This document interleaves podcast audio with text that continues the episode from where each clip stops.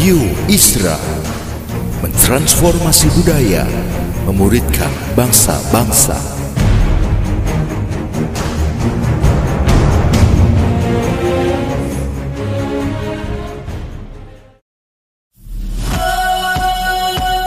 Suara Transformasi Membagikan inspirasi tentang karya-karya memuridkan bangsa dengan nilai-nilai Kristiani dalam berbagai sisi kehidupan. Selamat mendengarkan.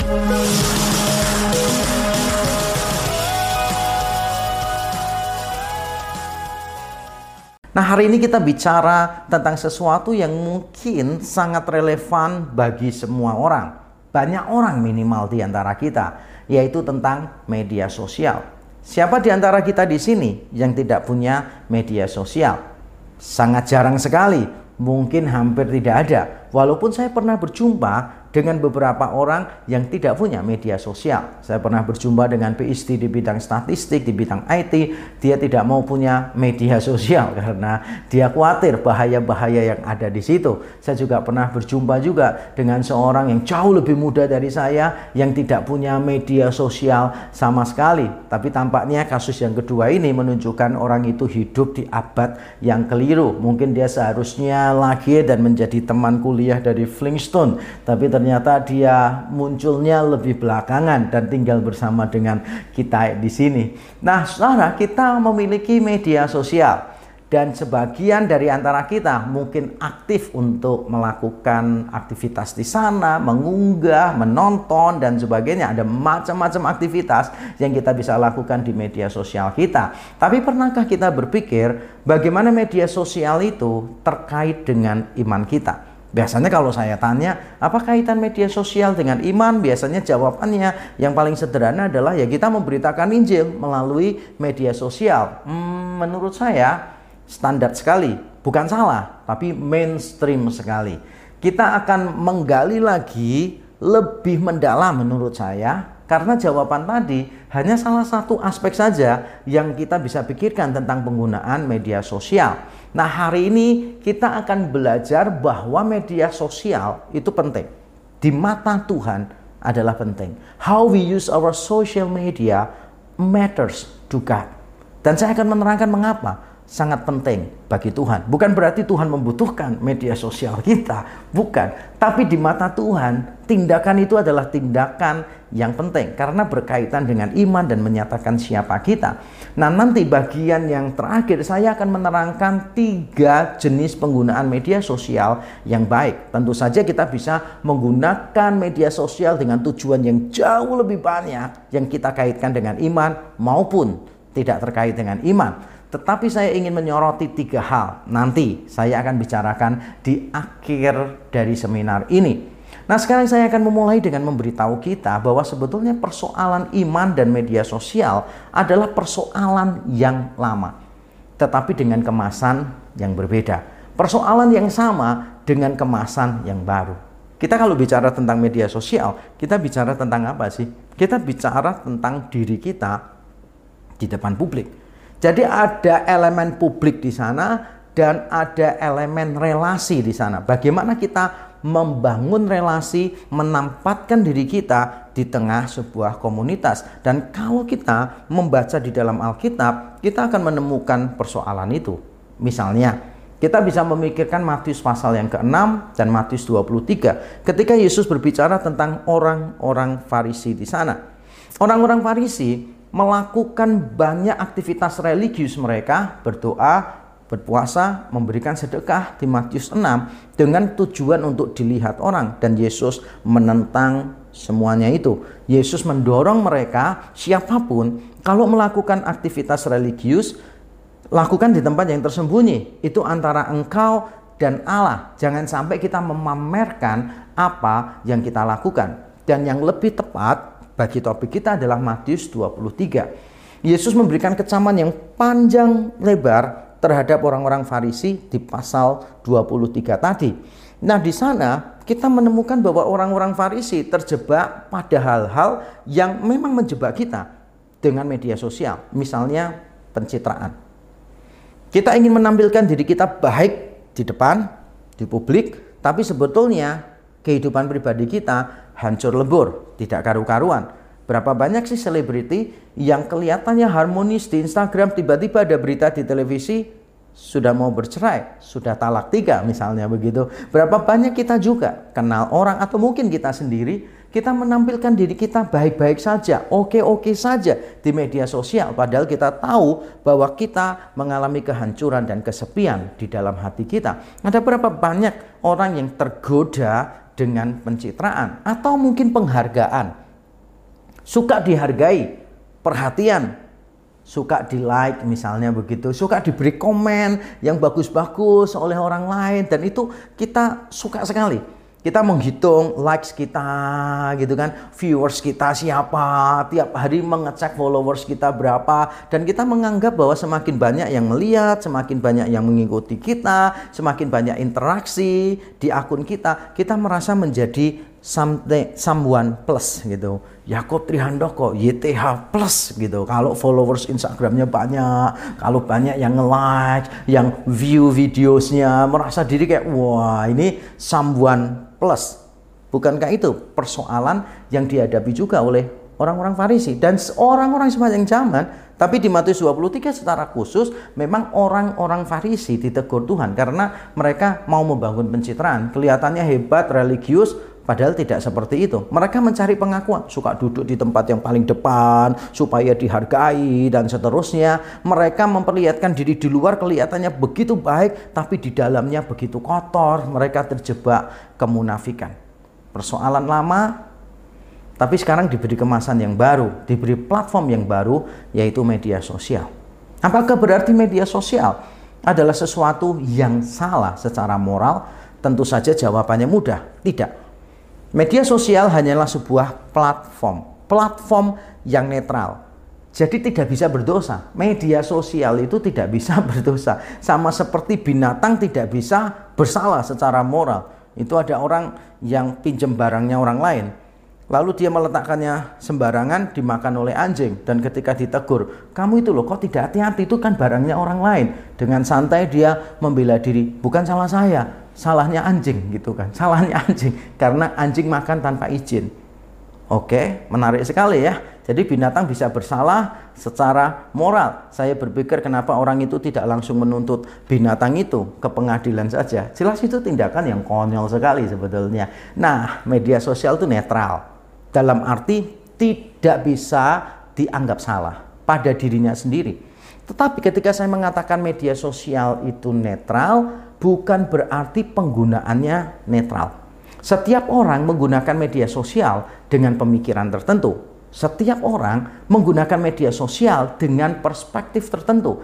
Di media sosial terjadi pertukaran ide, mau tidak mau akan terjadi pertukaran ide, pertukaran perspektif, pertukaran nilai, pertukaran ideologi, faham yang dianut oleh seseorang. Bukan cuma ada ide yang ditampilkan di sana, di setiap unggahan, tetapi juga ada nilai-nilai yang melandasi ide tadi. Ada perspektif tertentu yang membuat seseorang mengunggah ide tadi.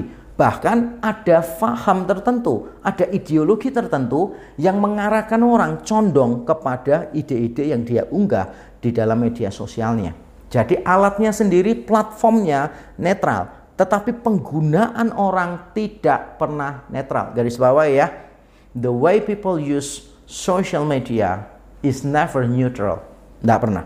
Karena memang masing-masing kita menggunakan dengan perspektif tertentu, dengan nilai tertentu, dengan ideologi tertentu. Wawasan dunia kita, our worldview, itu bermain di dalam setiap unggahan kita kita sadari atau kita tidak sadari, di situlah terjadi pertukaran ide. Kalau tidak bisa dibilang peperangan konsep. Nah, karena di situ ada pertukaran ide dan sebagainya, maka media sosial sebetulnya memberikan tantangan sekaligus halangan, memberikan peluang. Ada peluang di sana, tetapi juga menawarkan sesuatu yang buruk bagi kita kalau boleh saya mengatakan, saya mengatakannya demikian. Sosial media menyediakan peluang sekaligus tantangan, kesempatan sekaligus persoalan. Apa saja? Misalnya keragaman ekspresi. keluasan jangkauan, fleksibilitas akses, apresiasi terhadap pandangan dan perasaan pribadi. Ini semua menawarkan kepada kita dua hal sekaligus, peluang, tantangan, kesempatan, dan persoalan. Ambil satu contoh, misalnya apresiasi terhadap pandangan personal masing-masing orang. Kita bersyukur melalui media sosial semua orang memiliki freedom of speech, freedom of thought. Jadi kita bisa melihat berbagai macam keragaman ide dan keragaman cara untuk mengekspresikannya.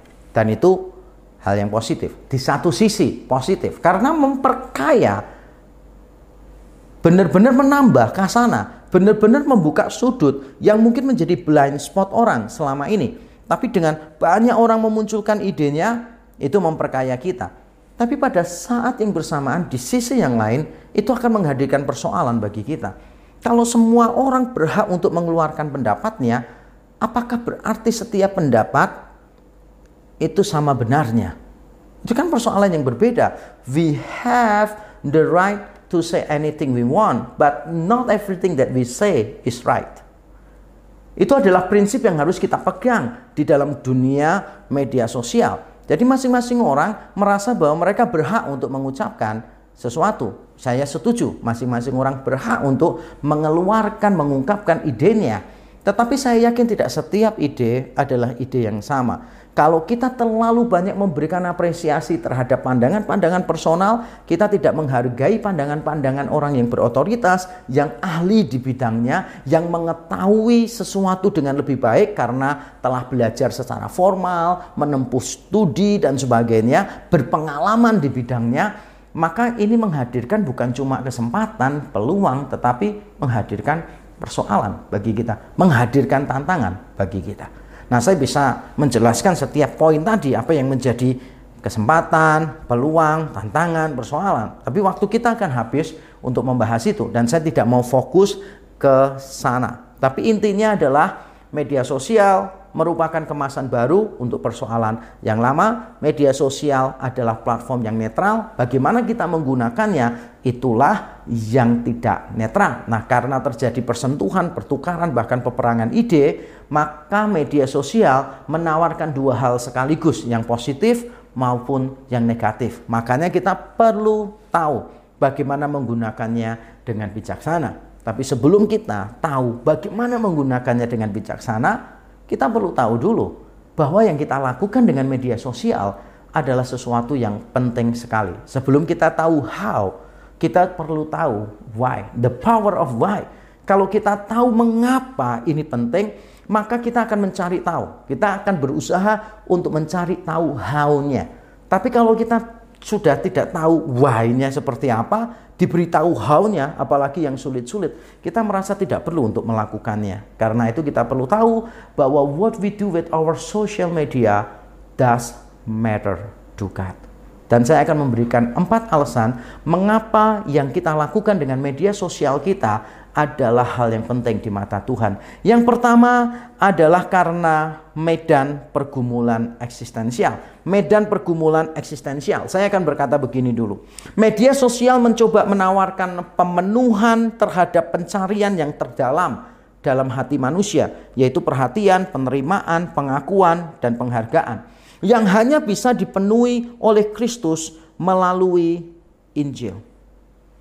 Jadi media sosial sebetulnya mencoba untuk memenuhi apa yang dicari oleh semua orang dan itu menjadi pergumulan eksistensial mereka yang paling dalam. Siapa di antara kita yang tidak butuh dihargai? Siapa di antara kita yang tidak butuh diakui, yang tidak butuh diperhatikan? Kita semua membutuhkan itu.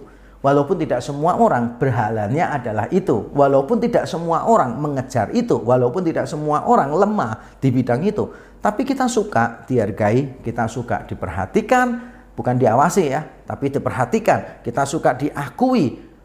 Hal-hal semacam ini coba ditawarkan di media sosial, tapi persoalannya adalah ini. Semua hal tadi hanya bisa dipenuhi oleh Kristus. Kalau kita berusaha untuk memenuhinya dengan yang lain, maka media sosial bukan menyelesaikan persoalan, tetapi menambah buruk keadaan. Pencarian manusianya tetap ada, tapi tidak pernah dipenuhkan karena memang cuma Kristus yang bisa memberikan penghargaan, penerimaan, pengakuan, perhatian, pengorbanan dan sebagainya. Allah menjadi manusia, mati di atas kayu salib secara terhina supaya dia bisa menebus kita dari dosa-dosa kita, menerima kita apa adanya dan mengubah kita menjadi sama seperti dia. Kita yang dulu musuh-musuhnya diakui sebagai anak-anak Allah. Kita semua mendapatkan itu di dalam Injil. Kalau kita berusaha untuk mencari pemenuhannya di dalam media sosial, ya pasti kita akan mengalami berbagai macam kekecewaan. Tidak heran, saya memperhatikan bagaimana seseorang menggunakan media sosial bisa mencerminkan kondisi spiritual orang tersebut.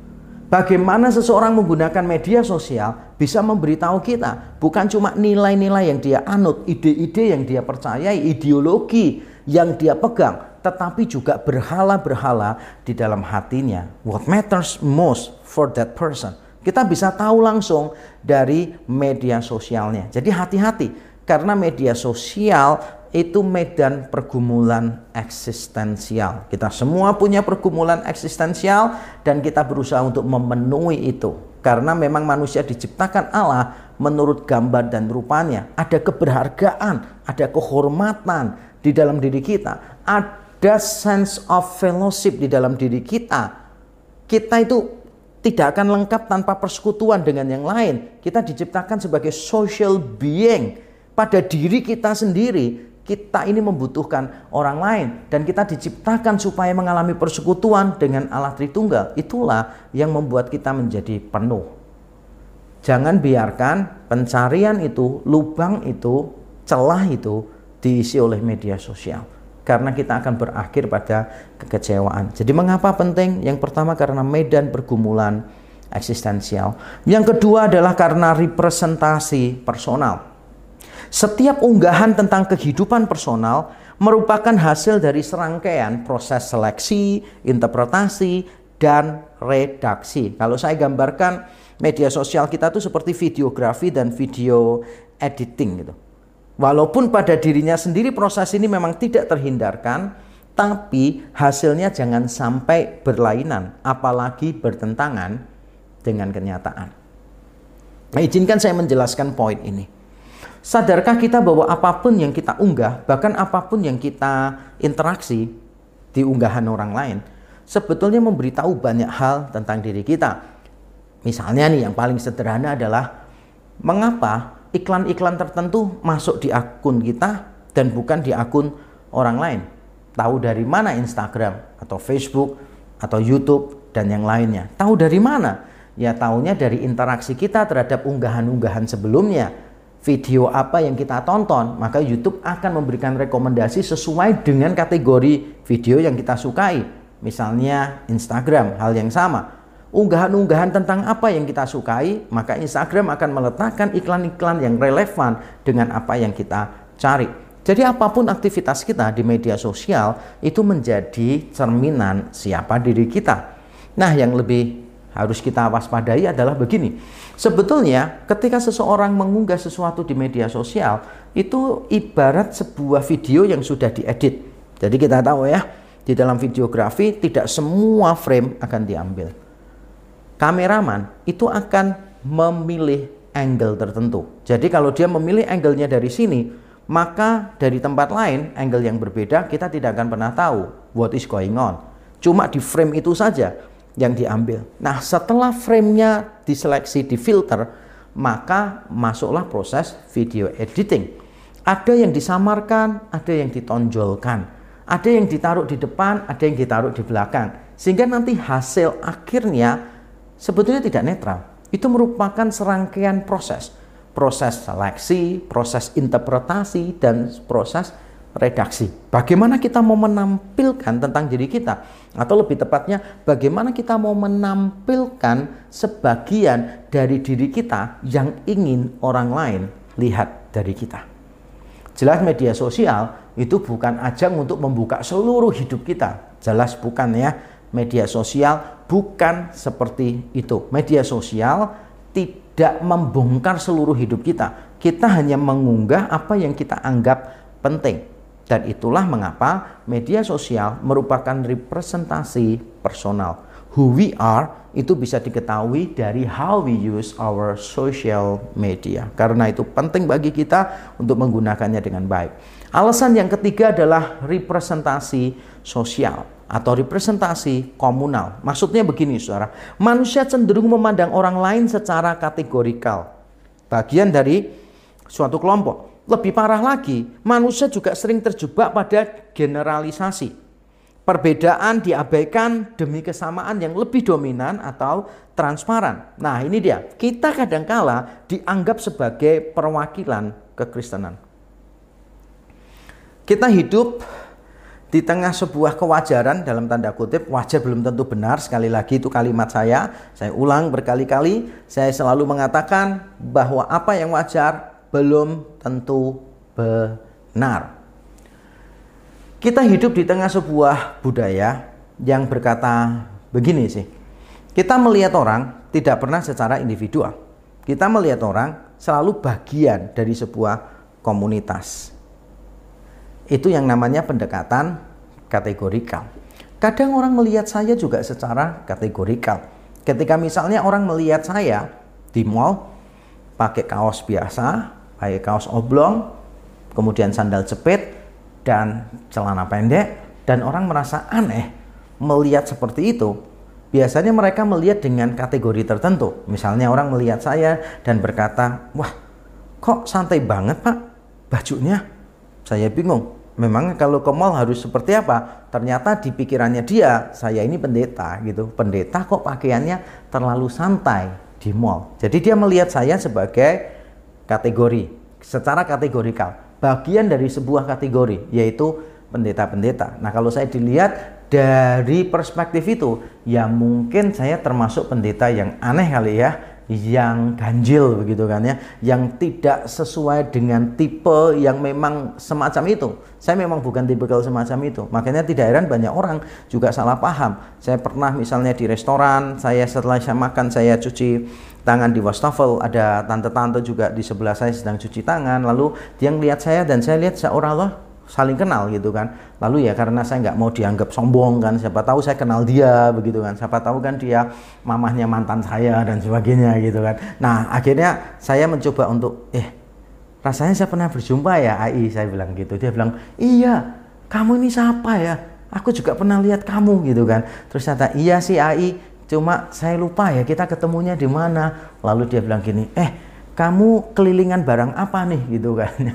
saya baru sadar, wah dia mikirkan sesuatu yang keliru. Tapi untungnya saya tanya, Tan AI ini punya bisnis apa? Terus dia jawab bisnisnya di kota apa? Kota ini. Saya langsung nyambung. Oh, dia itu orang kaya di kota itu yang pada waktu saya khotbah di gerejanya dia, dia yang ngajak makan saya beberapa kali. Tapi peristiwanya sudah lama, makanya saya bisa paham bisa kenal sedikit lah tentang dia. Dan saya bisa paham kenapa dia kaitkan saya dengan dunianya dia. Karena dia itu adalah orang kaya pemilik toko elektronik terbesar di kota itu. Ya dia pasti tanyanya kepada saya kamu kelilingan barang apa? Begitu kan ya. Mungkin saya jualan speaker jualan apa barang-barang elektronik dan sebagainya. Cara orang cenderung melihat kita secara kategorikal. Dan yang lebih parah orang itu bermain pada tataran yang stigma, stereotipe, sesuatu yang kelihatannya lebih dominan, lebih transparan. Misalnya, kalau pendeta itu pasti alim. Alim itu dalam arti tutur katanya gitu kan. Kalau ngomong selamat pagi gitu kan. Gak bisa, eh selamat pagi bro. Ya apa bro gitu kan. Rasanya kok kok kayak gak pendeta gitu kan? Ya kita selalu mikirkannya begitu. Jadi untuk kategori tertentu selalu akan behave seperti ini gitu loh. Dan itu persoalannya sih. Jadi kita selalu dikaitkan dengan kategori tertentu. Jadi ketika kita mengunggah sesuatu di media sosial jangan cuma berpikir bahwa itu representasi diri kita sendiri. Tapi representasi dari yang lain kalau saya pendeta itu akan menjadi representasi bagi pendeta. Nah, kalau misalnya saya mengunggah sesuatu yang sifatnya konyol, lucu tapi menghibur dan yang melakukan itu banyak pendeta sekaligus. Nah, maka orang akan punya kesan oh pendeta itu lucu. Pendeta itu suka menghibur. Pendeta itu juga manusia. kadang suka hal-hal yang konyol misalnya. Tapi seandainya di antara semua pendeta yang konyol cuma satu orang, maka orang akan menganggap ini bukan pendeta nih. Mungkin dia sedang mengalami masalah atau dia stres atau apa, selalu punya pikirannya semacam itu. Contoh misalnya, saya misalnya nih, saya bermain tinju misalnya gitu kan ya. Kan nggak wajar sih ya pendeta tinju kan gitu. Kalau orang lain lihat saya tinju, pertanyaannya selalu begini kan. Misalnya nih, pikirannya masih gini. Lagi marah ya sama jemaat waktu pukul sunset bayangkan siapa gitu kan. Selalu pikirannya begitu. Coba ya kalau misalnya ada petinju yang profesional coba tanya gitu lagi marah ya? gitu kan ya. Lagi bayangkan siapa? gitu. Lama-lama dia bisa marah kepada kita dan tanpa membayangkan dia langsung melayangkan bogem kepada kita kan gitu. Aneh kan kalau orang lain mukul kita nggak tanya gitu. Tapi kalau pendeta bela diri kita langsung tanya kenapa ya Pak bela diri? gitu kan ya. Kenapa Bukankah pendeta biasanya cuma bila sungkawa aja mendoakan orang yang kehilangan, yang kesusahan? Kenapa sekarang pendeta bela diri? Apakah pendeta sering disalahkan sehingga belajar untuk membenarkan diri, membela diri?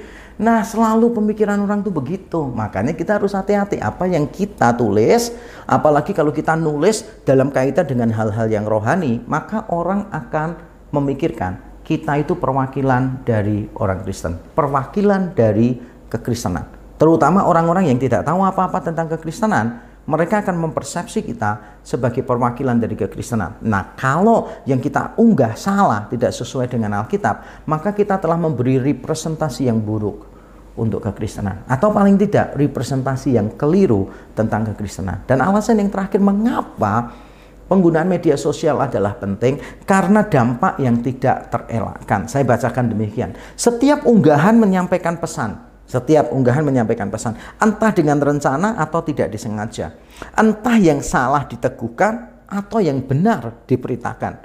Setiap orang membawa influence, pengaruh tanpa harus menjadi seorang influencer. Kita harus hati-hati di situ. Setiap orang itu membawa influence walaupun dia bukan seorang influencer. Karena apa pun yang kita masukkan di dalam media sosial kita tidak pernah netral dan pasti membawa sebuah pesan tertentu. Walaupun kita tidak menyadarinya, tetap ada pesan yang disampaikan di sana. Misalnya nih, kita menulisnya begini, wah hidup itu cuma sekali, you live only one. Kita you only live once, YOLO misalnya begitu kan, nikmati hidup, YOLO gitu. Kita mungkin cuma menuliskan itu tanpa tahu apa-apa, kita cuma mengatakan ya have fun aja lah di dalam hidup ini. Tapi sadarkah kita bahwa orang lain bisa menafsirkannya secara berbeda? Orang lain bisa menangkap kesan bahwa kita ini tidak sadar hidup kita itu milik Tuhan, tidak boleh digunakan sembarangan. Atau mungkin ada orang lain akan menganggap kita terlalu sempit cara berpikirnya. Kalau kita hidup cuma satu kali, ya jangan dipakai sembarangan dong. Karena barang-barang yang cuma ada satu, yang berharga, yang kita miliki, kan kita tidak menggunakannya dengan sembarangan. Justru kita akan menjaganya dengan baik. Nah, kita tidak pernah bisa mengontrol, menentukan apa yang menjadi respons orang terhadap unggahan kita. Makanya kita harus berhati-hati dengan dampak yang akan ditimbulkan. Jangan sampai kalimat kita itu multitafsir. Nanti orang akan menangkap dengan ide yang berbeda, konsep yang berbeda. Dan itu kalau di forward gitu, di repost dan sebagainya, Bayangkan dampak yang kita timbulkan. Makanya kita harus berhati-hati dengan setiap unggahan kita. Misalnya kalau kita memberikan sebuah kutipan, quote, pastikan tidak ada multitafsir. Berikan penjelasan di caption supaya orang tahu apa yang kita maksudkan. Saya lihat beberapa orang cenderung begitu, memberikan kutipan tanpa ada ayat, tanpa ada penjelasan, kalimatnya sendiri juga nggak jelas, cuma indah tapi nggak ngerti maksudnya apa begitu. Berapa kali saya baca sampai saya perlu bertanya-tanya apa ya maksudnya orang ini gitu. Karena multitafsir banget dan kalimatnya itu sesuatu yang kadang-kala susah untuk dipahami. Misalnya gini, berjanjilah untuk tidak berjanji lagi apa ya maksudnya? Berjanji untuk tidak berjanji lagi. Kita jadi bingung apa sih maksudnya orang ini kan gitu. Ada beberapa kali saya membaca orang yang berbeda dengan kutipan yang semacam itu. Tapi anyway kita harus ingat apa pun pesan yang kita bawa itu akan membawa pengaruh. Entah yang salah di semakin diberitakan semakin dibuat wajar entah yang benar itu diberitakan. Harus hati-hati. Nah, sekarang kita masuk bagian yang terakhir, bagian yang penting di dalam materi ini, yaitu tentang bagaimana kita menggunakan media sosial kita dalam kaitan dengan iman kita. Nah, tentu saja ada banyak hal yang kita bisa bicarakan. Dalam beberapa seminar saya yang lain berkaitan dengan media sosial, pelayanan digital, saya sudah menyinggung banyak poin juga. Tapi untuk sekarang, saya hanya akan menyoroti tiga hal saja. Bagaimana kita bisa menggunakan media sosial kita untuk mengintegrasikan iman kita di sana. Nah sebelumnya saya ingin membaca dari satu ayat dulu sebagai landasan kita, yaitu di dalam Efesus pasal yang keempat ayat 29. Saya bacakan demikian. Janganlah ada perkataan kotor keluar dari mulutmu, tetapi pakailah perkataan yang baik untuk membangun di mana perlu, supaya mereka yang mendengarnya beroleh kasih karunia. Saya coba bacakan dalam salah satu bahasa Inggris New American Standard Bible karena memberikan terjemahan yang lebih jelas menurut saya. Let no unwholesome word proceed from your mouth, but only such a word as is good for edification according to the need of the moment, so that it will give grace to those who hear. Ayat ini sederhana sekali, konteksnya memang bukan penggunaan media sosial. Konteksnya adalah bagaimana jemaat Efesus itu bisa hidup di dalam interaksi dengan sesama umat Tuhan. Nah, Paulus memberikan nasihat tadi dan di dalam nasihat Paulus kita bisa belajar beberapa hal. Kita belajar bahwa perkataan kita harus perkataan yang benar dan baik. Bahasa Indonesia menerjemahkannya janganlah perkataan kotor keluar dari mulutmu. Dalam bahasa Yunani kata yang dipakai perkataan kotor di sana itu dipakainya di dalam Alkitab hanya beberapa kali saja dan itu dikaitkannya dengan buah yang busuk, buah yang buruk atau ikan yang buruk atau ikan yang busuk. Jadi sebetulnya bukan cuma perkataan kotor, tetapi segala macam perkataan yang memang tidak ada gunanya, yang tidak benar, yang palsu dan sebagainya. Makanya saya menafsirkan bahwa ketika Paulus mengatakan janganlah perkataan kotor keluar dari mulutmu, maksudnya Paulus adalah hendaklah setiap kata yang keluar dari mulut kita benar, sesuai dengan kenyataan, sesuai firman Tuhan. Bukan cuma benar, tetapi juga baik. Tidak ada maksud-maksud yang jahat di balik perkataan-perkataan kita. Tidak ada maksud-maksud yang busuk di dalam perkataan kita. Bukan cuma baik, tetapi juga berguna membangun orang lain. Tapi juga tepat waktu atau sesuai situasi. NASB tadi terjemahannya mengatakan according to the need of the moment. Good for edification, tetapi juga according to the need of the moment. Kita tahu situasinya, kita tahu waktunya, dan harus beranugerah. Give grace to those who hear it. Kita kadangkala mengungkapkan sesuatu, mengunggah sesuatu di media sosial tanpa memancarkan Injil di sana, tanpa memancarkan anugerah di sana. Bahkan yang paling ironis adalah ketika orang memberitakan Injil, tapi dengan cara yang tidak mencerminkan Injil. Memberitakan Injil, lalu ketika direspon oleh orang lain, dia dengan sombong menyalahkan, menghakimi orang lain dengan kata-kata yang kasar. Jadi yang lebih penting daripada memberitakan Injil adalah mencerminkan Injil di dalam unggahan kita. Saya tidak mengatakan kita tidak perlu memberitakan Injil secara eksplisit. Harus, penting bagi kita untuk mengungkapkannya secara verbal dengan baik tapi maksud saya tidak cukup bagi kita hanya untuk menceritakan Injil secara eksplisit, tapi bagaimana seluruh hidup kita itu menjadi cerminan Injil, termasuk bagaimana kita berinteraksi dengan orang lain di dalam media sosial kita. Kita harus ingat bahwa ketika kita mau mengunggah sesuatu, kita perlu bertanya begini: apakah yang kita unggah itu benar, baik, berguna, tepat waktu, sesuai situasi, dan beranugerah?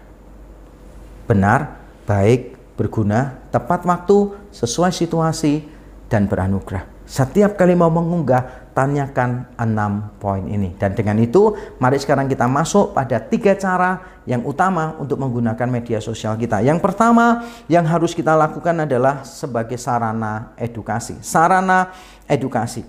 Kekristenan itu merupakan iman yang komprehensif dan integratif. Komprehensif dan integratif. Bukan hanya membicarakan hal-hal yang rohani, tetapi segala hal secara rohani.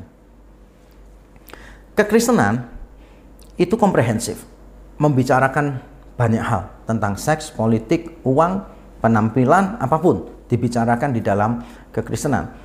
Tapi dibicarakannya bukan sebagai sesuatu yang terpisah-pisah, tetapi sebagai sesuatu yang sifatnya integratif. Segala sesuatunya berkaitan satu dengan yang lain. Kalau kita percaya bahwa Allah itu berdaulat atas segala sesuatu dan Allah adalah sumber terang bagi kita, sumber kebenaran bagi kita, maka Allah itu menginginkan kita untuk melihat segala sesuatu di dalam perspektif yang sama, di dalam terang Allah yang sama.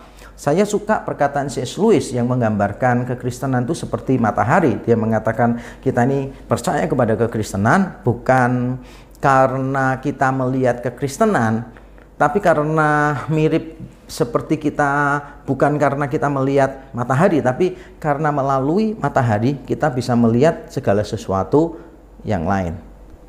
Itu adalah metafora yang cantik luar biasa, so beautiful. Kita percaya matahari ada bukan karena kita melihat matahari, bukan itu saja, tapi karena melalui matahari kita bisa melihat segala sesuatunya. Nah, Alkitab itu bukan cuma memerintahkan kita untuk membicarakan, memikirkan hal-hal yang rohani, ibadah, liturgi, firman Tuhan, pelayanan, dan sebagainya. Itu yang saya sebut hal-hal rohani. Alkitab bukan cuma mengajar kita untuk memikirkan hal-hal rohani, tapi memikirkan segala sesuatu secara rohani. Dalam Roma 12 ayat 2 dikatakan janganlah kita menjadi serupa dengan dunia ini, tetapi berubahlah oleh pembaruan budi kita, pembaruan budi kita, akal budi kita, sehingga kita bisa membedakan mana yang baik, yang berkenan kepada Allah, dan yang sempurna. Cara kita untuk tidak menjadi sama dengan dunia adalah melalui pembaruan budi. Bahasa Indonesia menerjemahkannya gitu, saudara. Sebetulnya ketika dikatakan pembaharuan budi, budi ini siapa gitu kan ya, pembaharuan budi. Tapi orang Indonesia memang sudah terbiasa dengan budi kan ya. Kalau kita di SD juga ini budi, ini ibu budi, ini bapak budi. Sampai sekarang kita nggak tahu namanya ibu budi siapa, namanya bapak budi siapa gitu. Nah sebetulnya bukan pembaharuan budi, tapi pembaruan akal budi. Bahkan saya mengusulkan nama budi juga seharusnya diganti ya supaya ada pembaruan di situ. Jadi kita mengalami transformasi akal budi supaya kita itu bisa melihat segala sesuatu secara rohani, bukan secara duniawi. Saya berapa kali mengatakan begini di dalam seminar-seminar saya, tidak semua hal yang ada di dunia adalah duniawi. Tidak semua hal yang ada di gereja adalah rohani. Yang paling penting itu bukan what tetapi how. Bukan what we think, tetapi how we think.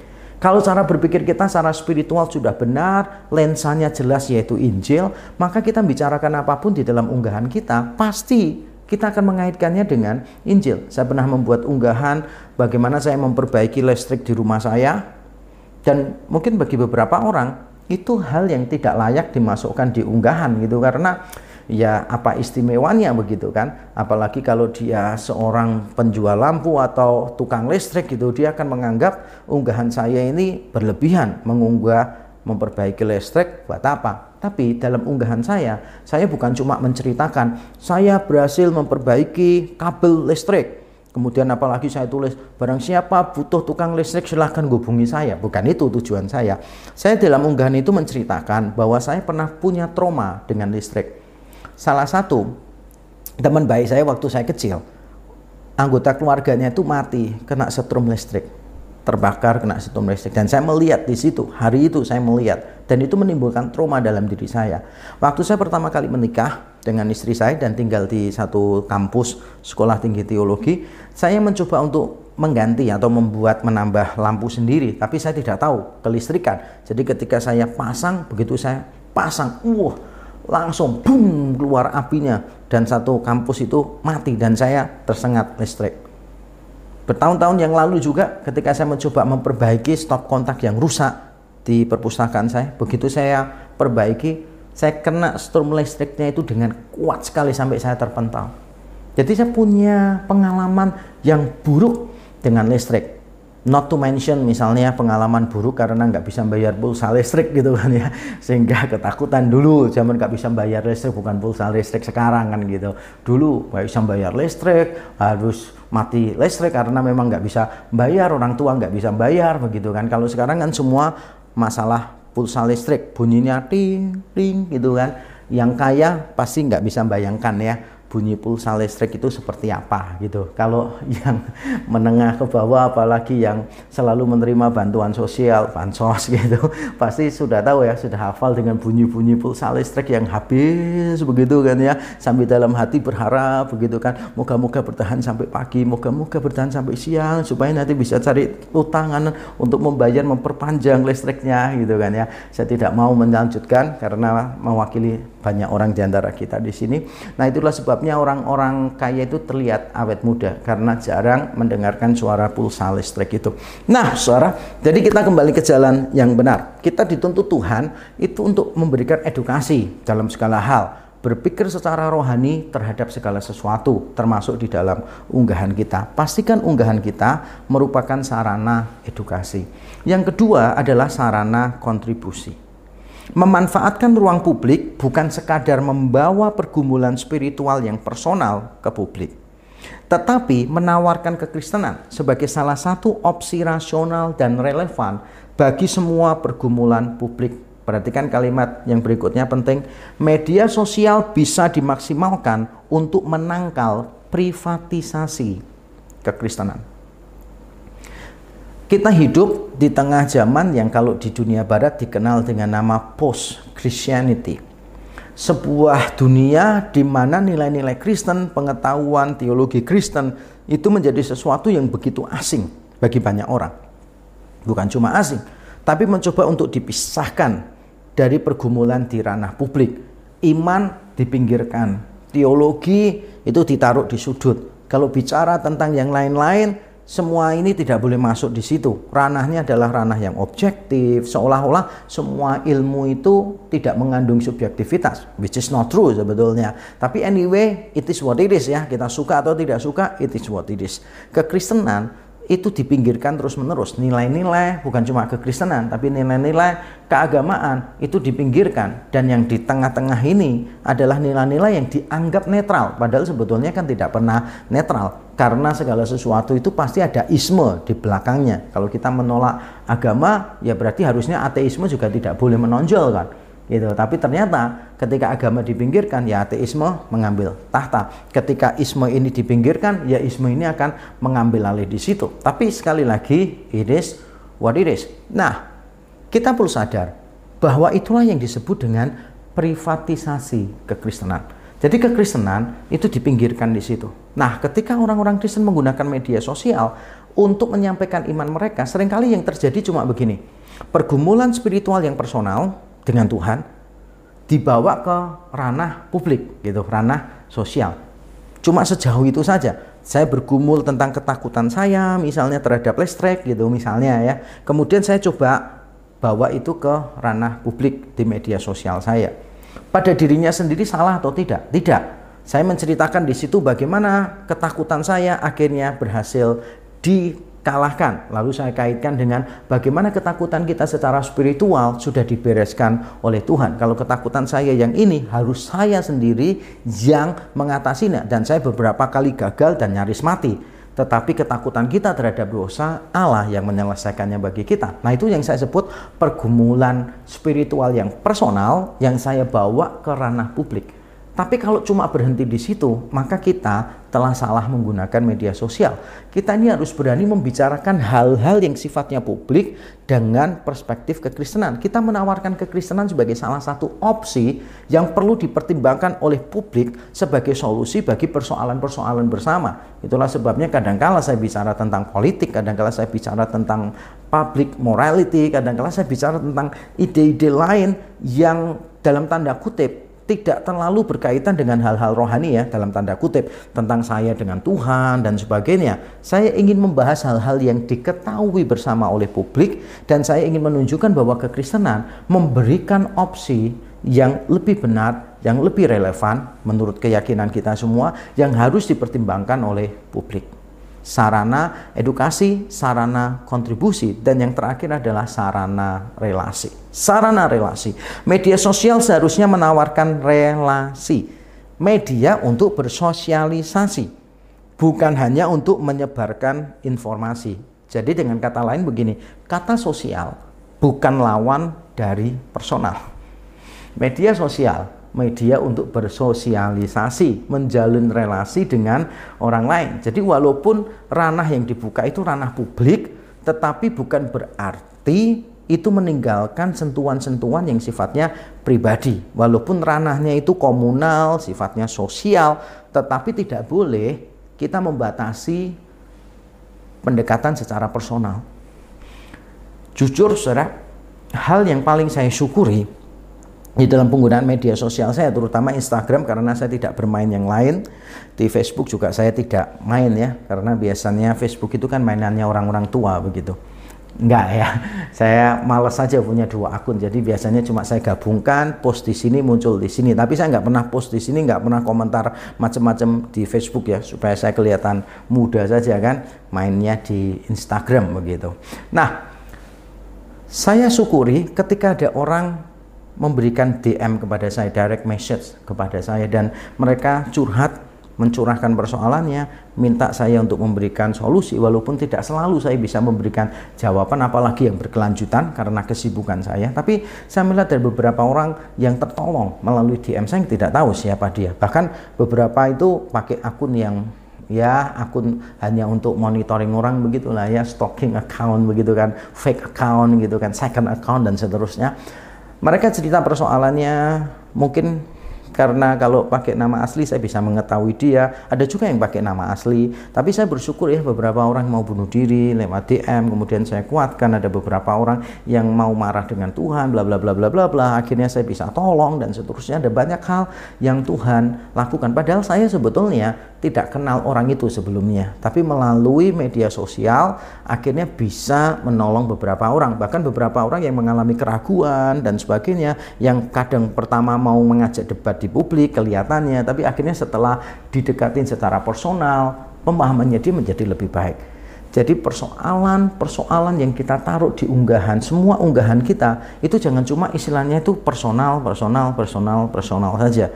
Tetapi personalnya dalam arti kita bukan mengungkapkan kehidupan pribadi kita ke ranah publik, tetapi kita juga sekaligus mengundang orang untuk memiliki relasi dengan kita. Dan tentu saja kita harus berhati-hati dengan cara melakukannya dan itu harus menjadi satu seminar tersendiri etika dalam melakukan pendekatan personal di dalam media sosial. Saya tidak akan membahas tentang hal itu sekarang ini tapi paling tidak saya ingin mengingatkan kita bahwa walaupun ini adalah media sosial tetapi ada banyak hal yang kita bisa lakukan yang bersifat personal untuk menjalin relasi dengan orang lain mendoakan orang lain hadir di dalam kehidupan orang lain. Walaupun itu cuma di dalam dunia yang virtual Nah kiranya kita semua didorong Tuhan untuk menjadi kesaksian di tengah-tengah dunia ini, bahkan mungkin hanya di dunia virtual saja, tapi itu bukan alasan bagi kita untuk tidak berkiprah di sana. Oleh anugerah Tuhan, biarlah setiap unggahan kita, aktivitas kita menjadi sarana edukasi, sarana kontribusi, dan sarana relasi. Injil diberitakan, Injil disebarkan, Injil dirasakan oleh banyak orang. Tuhan memberkati. Mari kita berdoa bersama-sama. Bapak di surga, terima kasih untuk seminar kali ini, Veritas Lecture. Kami berdoa kiranya Tuhan menolong kami semua.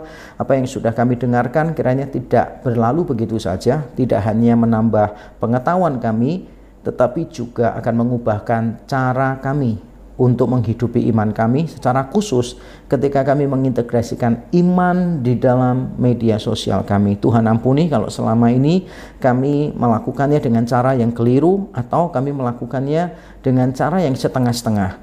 Kami berdoa kiranya Tuhan menolong kami bisa memaksimalkan semua yang ada pada kami, semua media sosial kami. Terima kasih Tuhan. Besertalah dengan kami di dalam Kristus Yesus Tuhan. Amin.